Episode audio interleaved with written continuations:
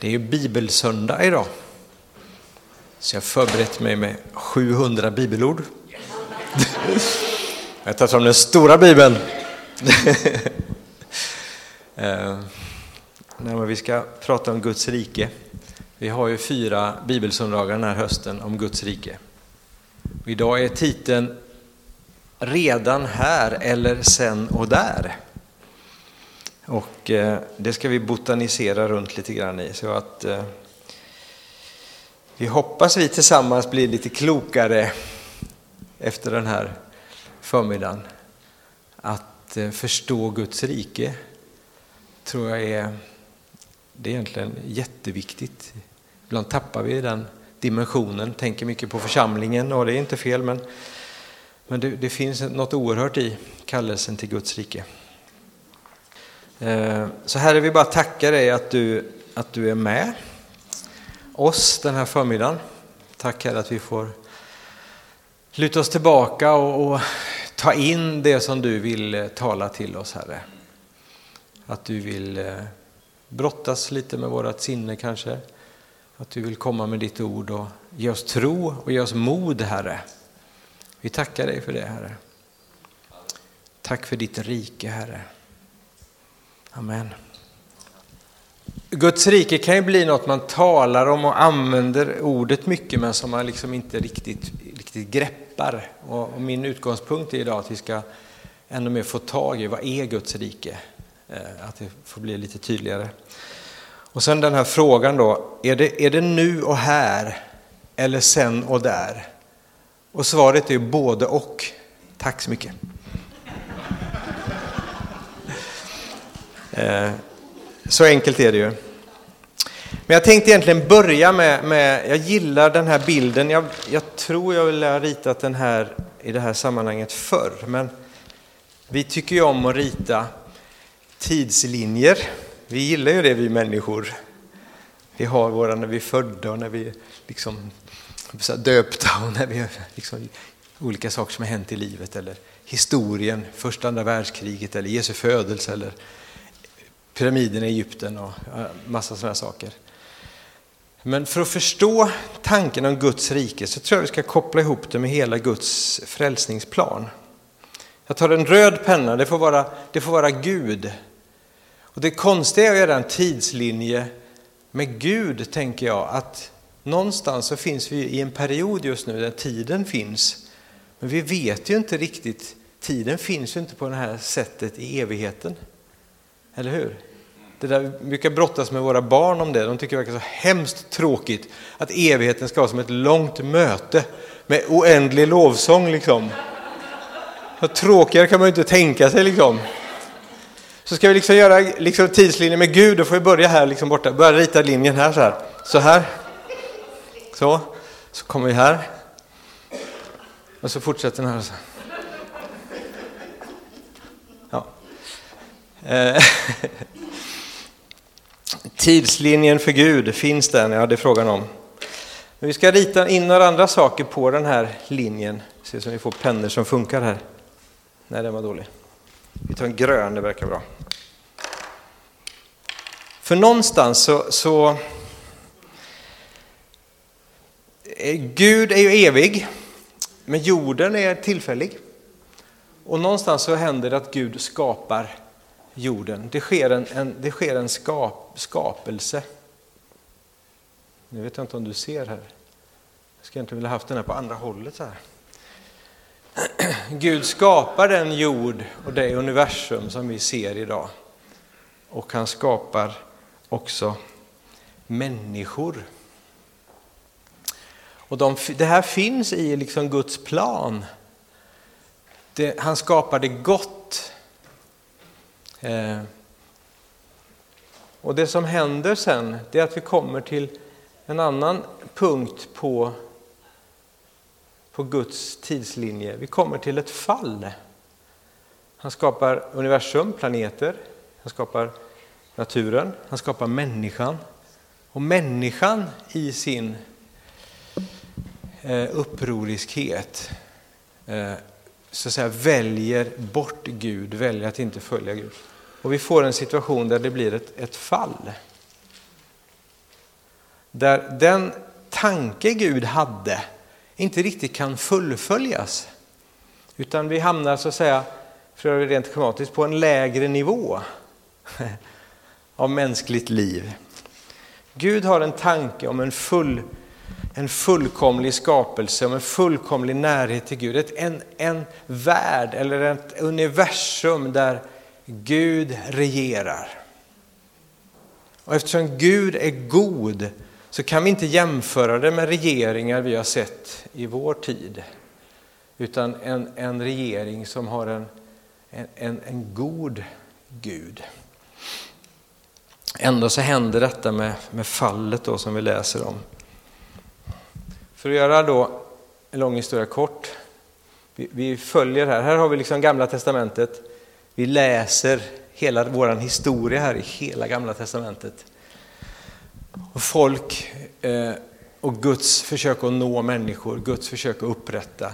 Det bildas riken och vi ser David som är den som kommer närmast att göra ett, ett rike som är ett bra rike. Så att säga, va? Men inte riktigt. Eh, men det finns alltid en strävan i, i människan efter makt, att skapa ett rike. Varför då? Jo, för det är nedlagt något i oss att se saker i ett sammanhang i ett rike, tror jag.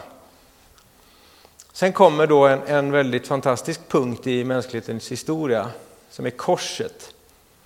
Det var ett konstigt kors, vi får göra det lite längre så här. Jesus och den historia som börjar med, med Jesus där Gud har en plan att återlösa sin skapelse.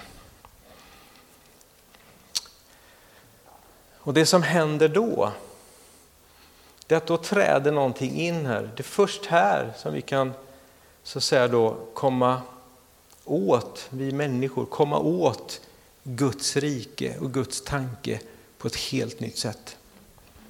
Eh, Eh, det som vi vet händer sen är ju, nu, nu tidsmässigt här får du, vet vi inte riktigt hur långt det är. Vi vet att det kommer en dom. En tid av dom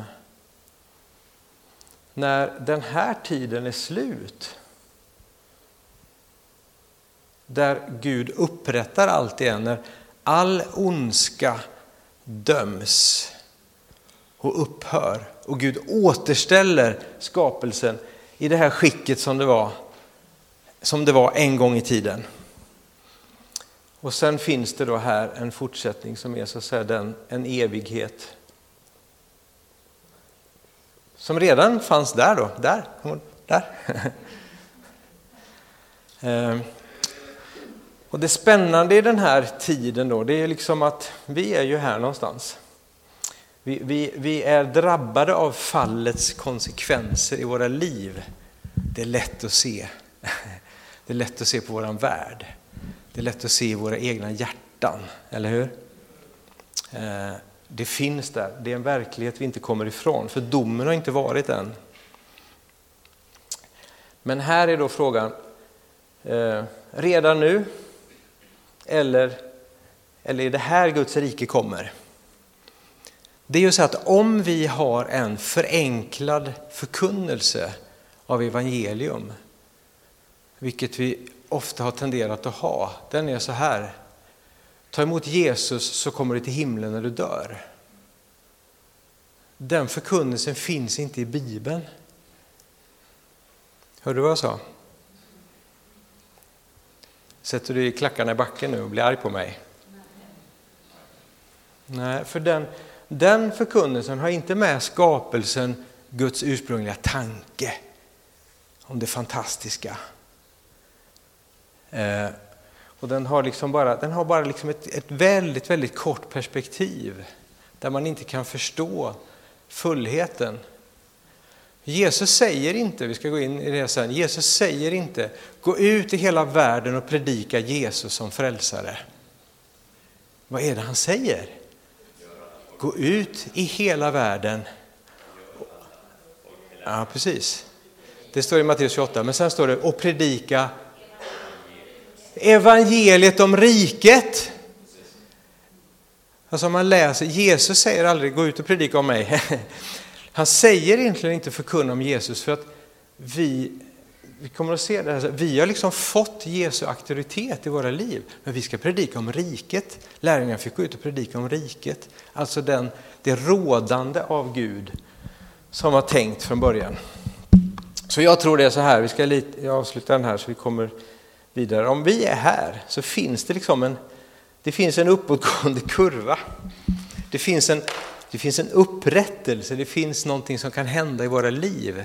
Där vi så att säga kan, vi kan aldrig lämna syndens konsekvenser, men vi kan komma närmare det gudomliga perspektivet, det gudomliga livet.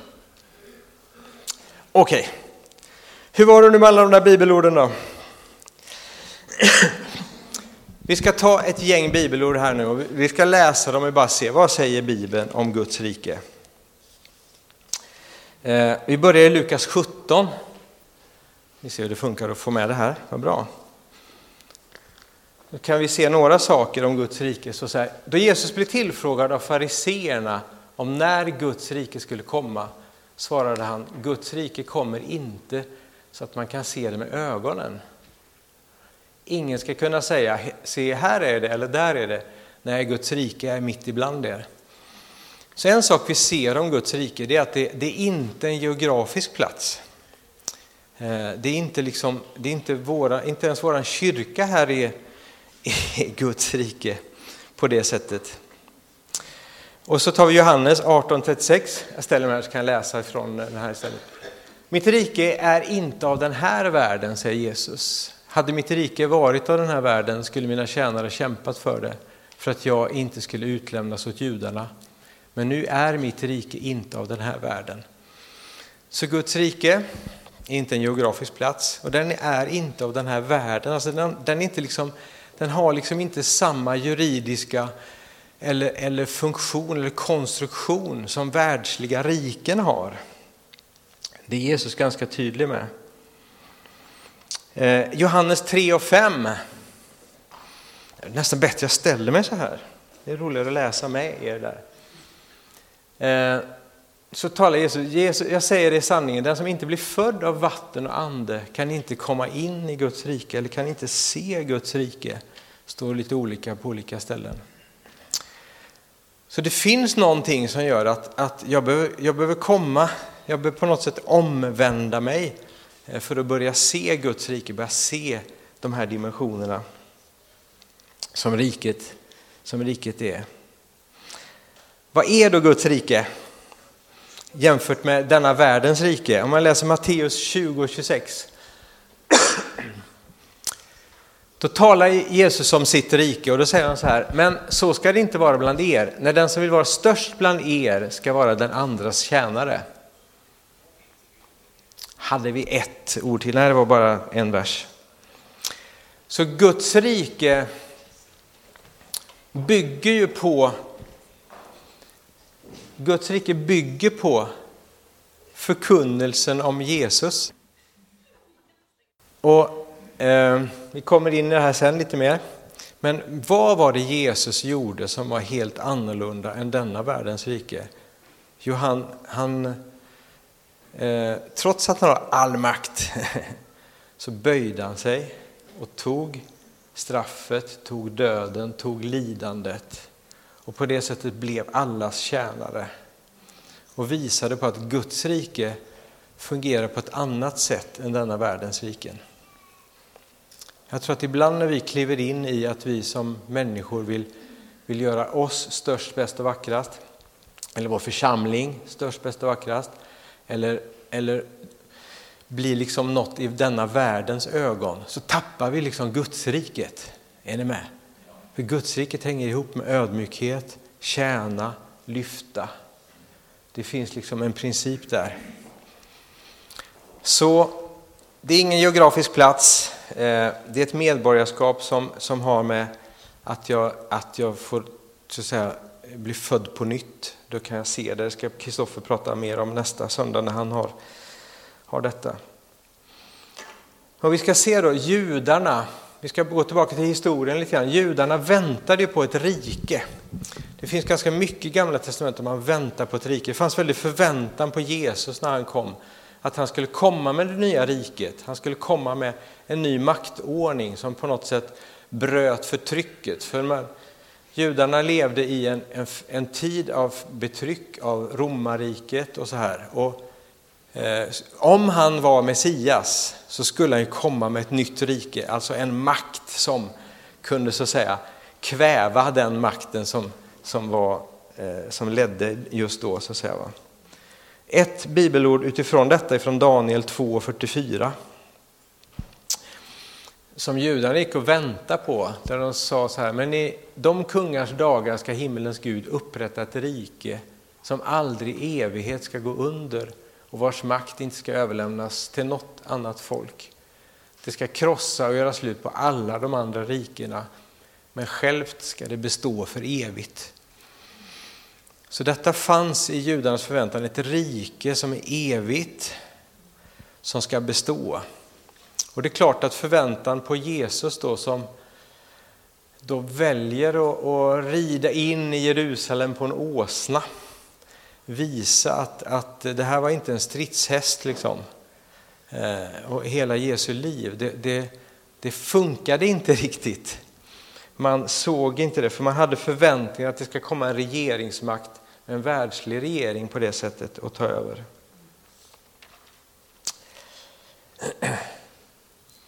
Vi ska kika på de här orden då. Vi vet att det ska komma ett rike. Vi ska komma ett evigt rike, men det har Gud sagt i sitt ord. Och frågan är, har det börjat nu eller börjar det här? Då? Vi ska se vad Jesus säger. Ta nästa bibelord i listan här. Markus 1 och 15. Då säger Jesus så här, tiden är inne och Guds rike är nära. Omvänd er och tro på evangeliet. I en annan översättning står det omvänd att Guds rike är nu här. Så det Jesus säger flera gånger är att riket är här. Eh, 12.28, har vi den där? Nej? Ja. Han säger så här, men om det är med Guds ande jag driver ut de onda andarna, då har Guds rike nått er. Han ger liksom så här, han verifierar, så här, finns riket här just nu? Ja, om, om det är med Guds finger som de onda andarna lämnar er, då har ni Guds rike där. Han pekar på Guds rike är en, en makt, en kraft emot det onda. Och han säger att, att det kan vara redan där och då, eller hur?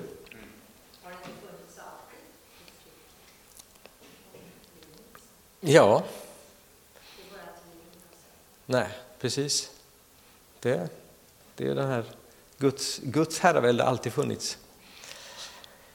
Men finns det något ännu inte då? Finns det någon dimension av Guds rike som inte är här fullt ut redan nu då?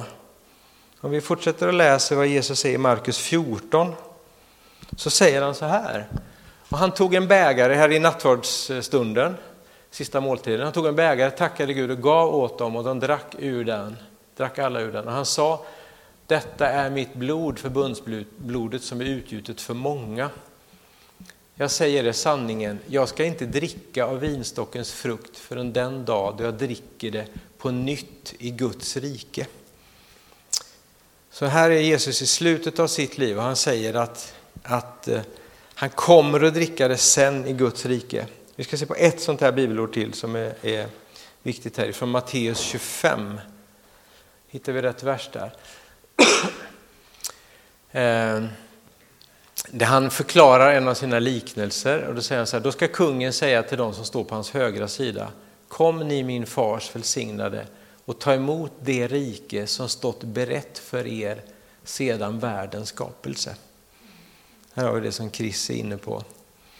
Att, att Guds rike finns redan, redan förberett. Om man pratar om det här vi sa först där, att för, för Gud finns liksom inte tiden. Så någonting är Guds rike i sin fullhet är alltid närvarande. Men den viktiga frågan för oss i det här, det, det är ju liksom, är, den tillgäng, är Guds rike tillgängligt för oss nu eller är det bara sen när vi kommer till himlen så att säga? Och Jesus är väldigt tydlig med det, att Guds rike finns där just nu, där, där, eh, Jesus går fram, där hans befrielse finns, där, där, där det livet levs som, som Gud pekar på. Där finns Guds rike. Alltså Guds rike finns med lärjungarna. Han skickar ut lärjungarna och de predikar Guds rike. Lukas 9 och 2 hade vi kanske där. Han sände ut dem för att förkunna Guds rike och bota sjuka. Det står om Filippus, att vad var han ute och predikade? Han predikade Guds rike. Inte att de skulle bli frälsta.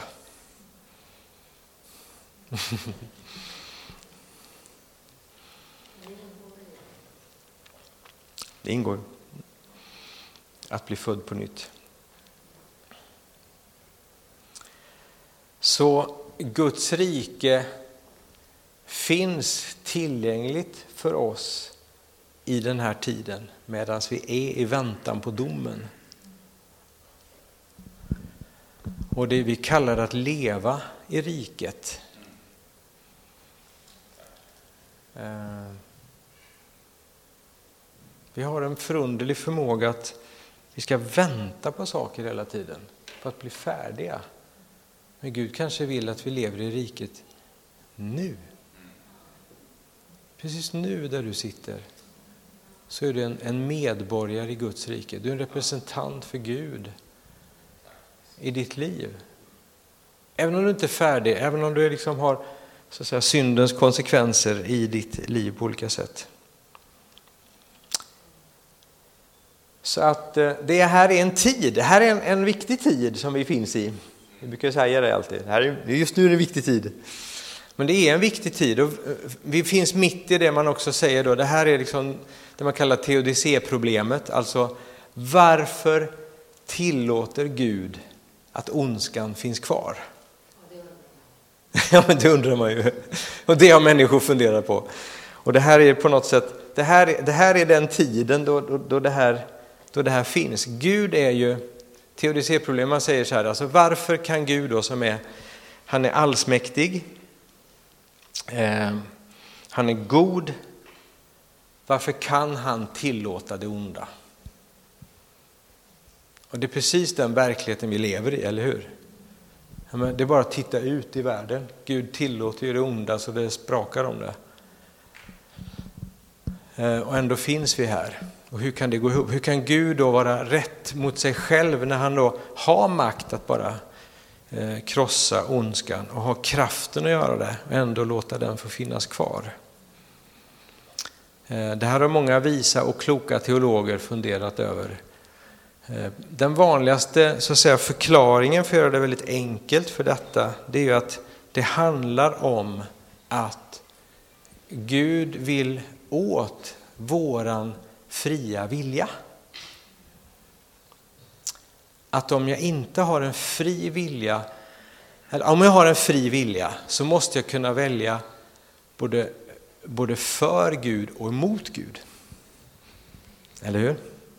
Jag måste kunna välja Gud eller om jag ska välja inte Gud så, så, säga, så måste det finnas ett alternativ till att välja inte Gud. Det är ungefär som liksom man, man, eh, om man försöker lura med någon och säger liksom, det blir liksom samma resultat vilka alternativ man än ger. Liksom. Eh, men sån är inte Gud. Jag tycker den är väl den förklaringen som som gör det här rimligt så att säga. Va? Varför kom ondskan in i världen? Ja, den är ju svår att säga, men någonstans vill ju Gud också ge, göra oss lika honom själv. Att ge människan makt, möjligheten till makt. Och människan tog den och vände den mot Gud. Eh, och det valet har vi hela tiden. Tycker det är intressant, jag läste en kommentar när jag höll på med det här med när det står omvänd er. Ibland står det gör bättring. Eh, och någon, någon, det var en, en bibellärare, Håkan Sundliden, eh, som kommenterade det här. Flera känner till honom. Han sa det, det, det, det handlar inte om att göra bättring, utan det handlar om att omvända sig. Alltså göra bättring, det är att jag skärper mig lite grann jag gör mig lite bättre. jag skärper mig lite grann. Men egentligen handlar det här om, det handlar om omvändelse.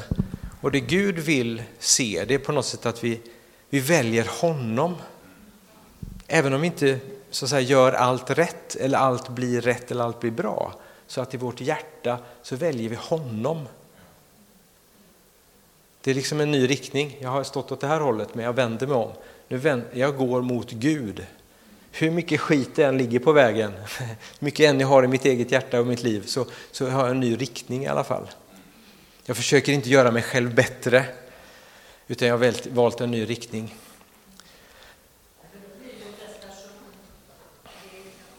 Precis.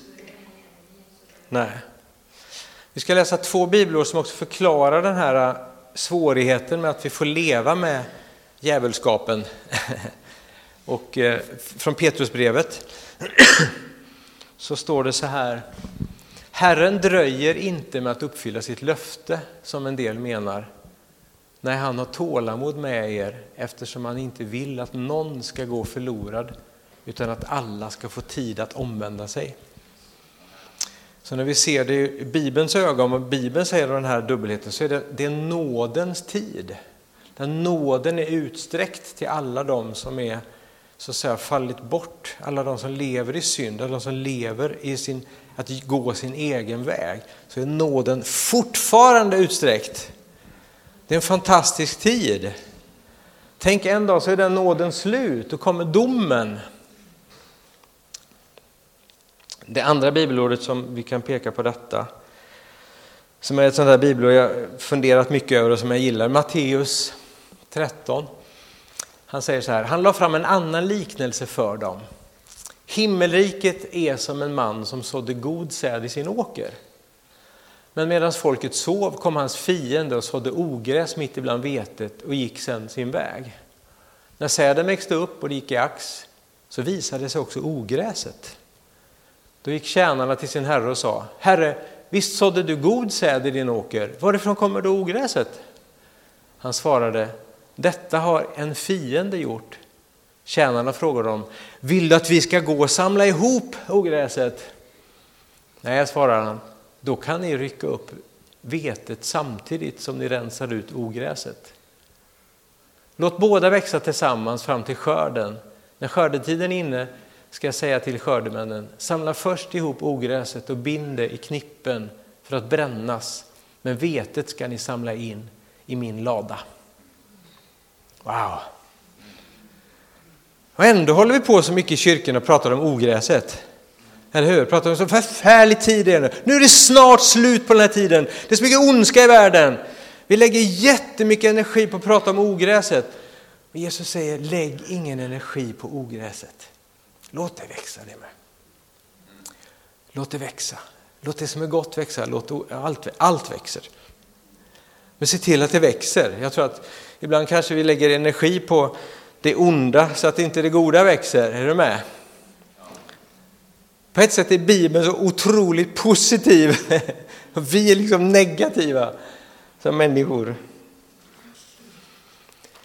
Ehm. Vi ska fortsätta där, för det kommer en förklaring på den här texten också. Ska vi läsa den? Det är från Matteus 13, 38. Eller var det 36? Sen, ja, just det. Sen lämnade Jesus folket och gick hem. Hans lärjungar kom då fram och frågade, sa, förklara liknelsen om ogräset i åkern för oss. Han svarade, den som sår den goda säden, det är Människosonen. Åkern är världen, den goda säden är rikets barn. Rikets barn. Ogräset är den ondes barn. Fienden som sådde det är djävulen. Skördetiden är tidens slut och skördemännen är änglar. Som när ogräset samlas ihop och bränns upp i eld ska det bli vid tidens slut. Människosonen ska sända ut sina änglar och de ska samla ihop ur hans rike allt som förleder och alla som gör orätt och kasta dem i den brinnande ugnen. Där ska man gråta och gnissla tänder. Då ska de rättfärdiga lysa som solen i sin fars rike. Hör du som har öron. Så det finns en, det är som en skördetid, domen är som en skördetid. Där vi som har vänt om och håller på och går mot Jesus, vi ska lysa som solen även om vi inte är klara. Är du med? Så att predika, predika bättring då, om vi tar det ordet igen, att försöka få någon att skärpa sig. Det är inte det Jesus säger. Utan få våra medmänniskor att se, vända om och gå mot Gud. Det är nog det som är frälsningen. Är du med? Jag tror att vi, vi behöver lära oss i den tid som kommer att jag hoppas att det blir så här att vi kommer att få leva med så mycket olika människor som kommer och söker Gud så vi får sluta att döma. Är du med? Låt ogräs och gräs växa. Ha blicken på Jesus och gå åt honom, åt honom till. Har du en fråga där? Ja? Om det är en bra fråga? Nej.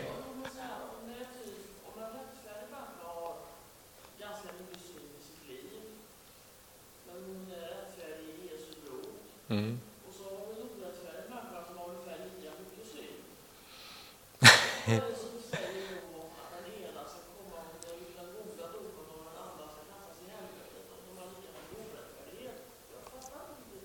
Nej.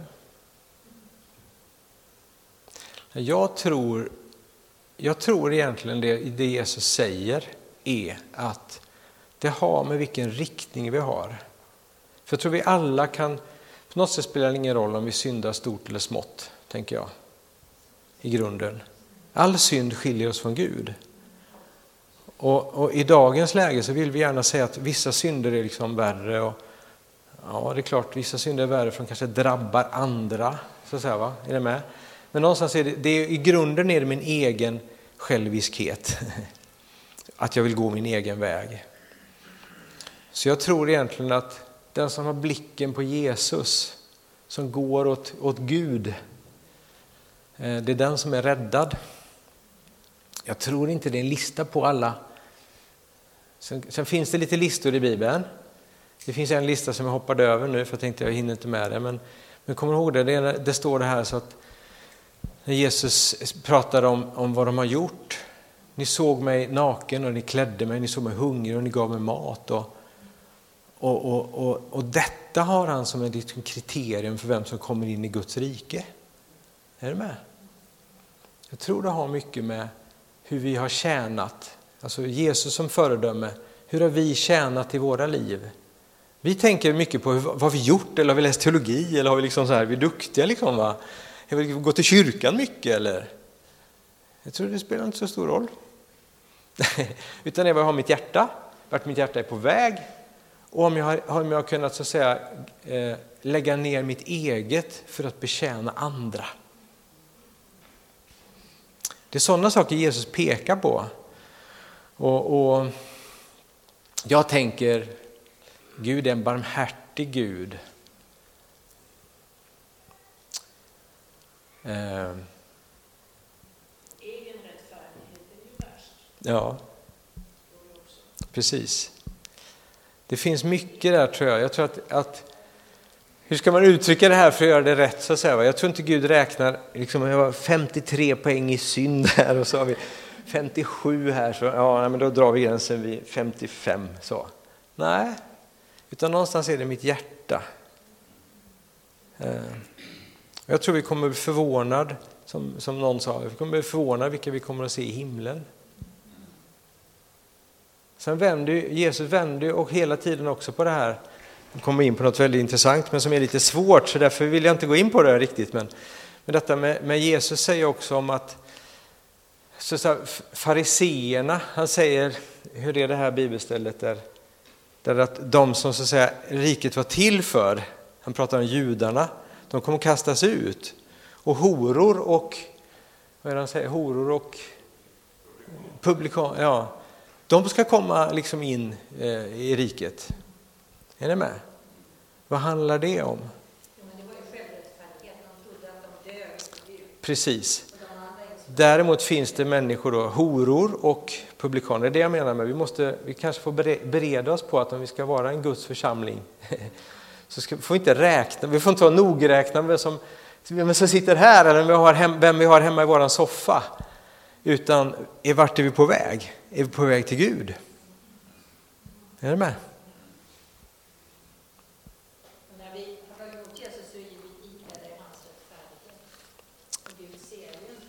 Nej, precis. Eh, Jag har en liten bit kvar, får jag fortsätta några minuter till? Men vi, så vi ser, bara sammanfatta nu, vi har den här som är egentligen hela, hela trosbekännelsen. Vi, eh, tror på Gud Fader, skapare, eh, Jesus Kristus, evig dom, eller domen och evigt liv.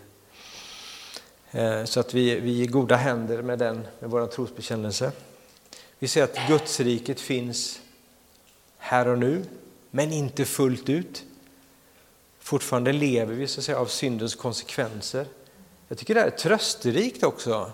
Ibland undrar man varför är det så skit? Jag vill ju att allt ska vara perfekt. Ja, det vill vi väl allihop.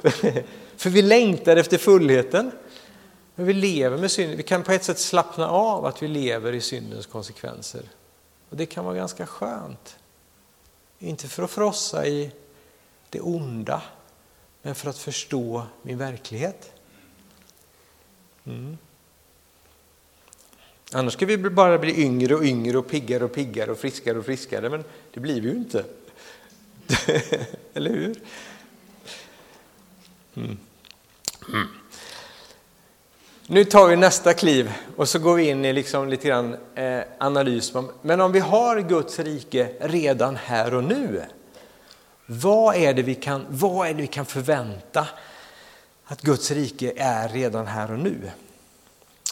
Och då börjar vi med Romarbrevet 14 och 17. Där det står att Guds rike är rättfärdighet, frid och glädje. Och det, är inte, det här står i ett sammanhang där man snackar om vad kan man äta, vad kan man inte äta. Det kan handla om matregler och vad man kan äta eller vad man kan dricka. Och det, liksom, det la så mycket regler på, på folk där så man var alldeles tokig. Liksom. När de åkte omkring och förkunnade Guds rike. Det här handlar ju Romar, Rom, församlingen i Rom. Det kommer ett svar från Paulus. Liksom, så här, det finns så mycket matregler. Alla funderar på om jag nu är liksom kristen också, kan jag äta det här och kan jag göra detta och kan jag göra detta? Liksom, va? De var liksom helt insnöade. Vad blir rätt liksom? Men då säger han, men Guds rike är inte vad man äter och dricker. Utan han säger det är rättfärdighet, frid och glädje i den heliga ande. Så i den heliga ande har vi, om vi lever i Guds rike så har vi alltid rätt till hans rättfärdighet. Vi behöver inte synda. Vi behöver inte göra fel. Utan vi kan också leva i den rättfärdighet han har gett oss i tro på, på honom. Vi kan också ha hans frid. Vi har rätt att kriga eh, och be om Guds frid in i vårt liv.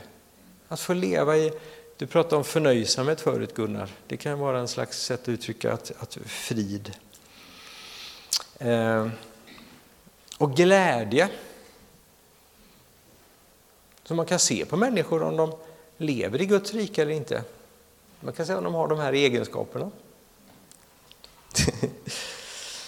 eh, Lukas 11 och 20, det var ett område. Ett annat område där vi kan se riket idag, det är ju, ska vi se om vi får, får det i bibelordet.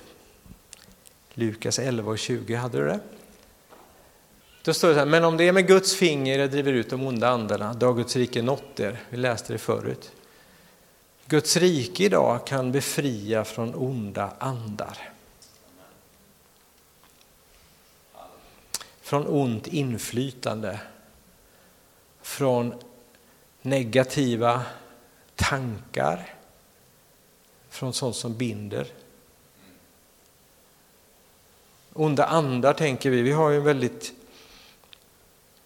karismatisk bild av, av onda andar, att vi ska befria och så här. Och det, det kan finnas befrielse, men jag tror det som är på ett speciellt sätt, att man befriar människor, skriker och sparkar och grejer. Så kan hända. Men jag tänker så här, onda andar rör sig på det sättet som kulturen ger tillåtelse till. Och vi, vi, vi vet ibland, man har varit i Indien och man har bett och, och man kan vara med om jättebefrielser och så tänker man, kommer hem till Sverige? Det finns väl inga onda andar här eller? Liksom det är så städat och fint många gånger. Men jag tänker, bara tänk ett steg vidare, att människor blir befriade ifrån onda inflytanden. Vad gör sociala medier med människor idag till exempel? Jag tror människor blir befriade från det. Människor blir befriade från spelmissbruk, människor blir befriade från pornografi. Andra saker som så media, eh, som våra, våra telefoner ger det så nära till. Jag tror att det finns mer befrielse här än vad vi ibland tror. Och det finns en tillgång till det. För Guds rike är här. Det finns ett makt i Jesu herravälde. Guds rike är platsen där Jesus är Herre. Ett annat område där Guds rike i högsta grad är verksamt, det är att förlåta och lösa. Den kraft som förlåtelsen har när man både få sätta sig själv fri och sätta andra fria. Det är en otrolig kraft. Och det vet vi också utifrån, jag menar, vi alla har läst Anitas böcker vad det gäller att förlåta händelser, situationer, människor för att bli frisk och få se helanden. Jag tror att här att betjäna i förlåtelse och de här bitarna, det, det är verkligen att leva i, i riket, i den kraften. Där Jesus får bli Herre. Första Korinthierbrevet 4 och 20. Jag tänkte att vi skulle haft en liten, Vi kanske hinner med det också. Det står det så här i alla fall, ty Guds rike består inte i ord utan i kraft. Vad tänker du om det?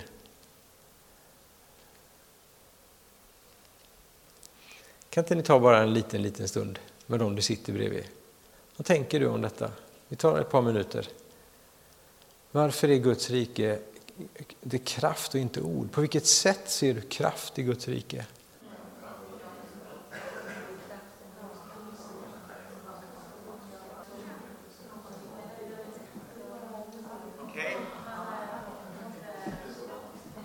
Vad säger ni? Får vi någon... Eh, ni, ni, vill prata mer om det här, men det kan ni göra sen. Vad tänker ni om detta? Får jag höra några små... Någon reflektion? Förlåt. Får någon liten reflektion om detta? Ja. Förmåga till förändring. Mm. mm. Precis.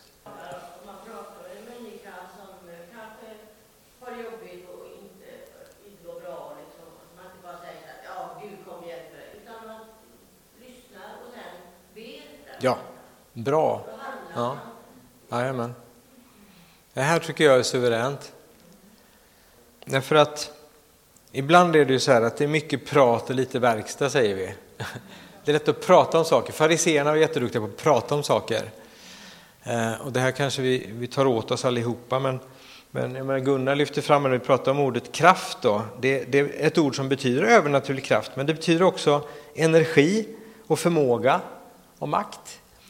Alltså på något sätt, ja, det syns, alltså Guds rike är inte att du kan prata om det, utan Guds rike är vad gör du med, vad gör du med ditt liv? vad gör du? Ber du? Eh, det sa ju, eh, vad heter han, Rickard Cruz som var med oss på sommaruppstarten där, han sa det liksom, ta tillfället akt och be när det dyker upp något, bara be. Lägg det inför Gud liksom, med en gång, bara be. Inte ha, liksom, vänta på att du ska få någon viss känsla, utan bara be. Så jag skulle vilja avsluta med det egentligen här bara för att, att det stora i detta att vi, vi har Guds rike här och nu är att ofta är det så här med oss i kyrkan, om man säger så, då, kyrkan allmänt så, att vi, vi bara förbereder oss. Vi är aldrig färdiga. Vi ska liksom få en, vi ska möta Gud, jag behöver möta Gud. Liksom. Liksom, åh, jag ska bli liksom ivägsänd liksom, från gudstjänsten ut på min vecka. Och jag, liksom, jag, ska, jag, jag behöver, liksom lä, jag behöver liksom läsa mer i Bibeln, jag behöver be mer. Och jag tror att ska vi upptäcka riket så är det bara dags att ändra på det. Och det är nu det händer. Det är nu det händer. Vilka människor möter du i eftermiddag nu? Vilka, nu ska gå och handla på Willys när du går hem. Liksom. Vad är det som händer där? Där är Guds rike. Där är din förmåga, där är din kraft. Och din kraft kanske bara är att du hjälper en dam med en väska eller en påse över vägen liksom, eller något. Är du med? Men någonstans att uttrycka det du kan av att vara som Jesus, att betjäna, att lyfta, att hjälpa, att böja dig och, och dra, dra lasset så att säga. Va? Är du med?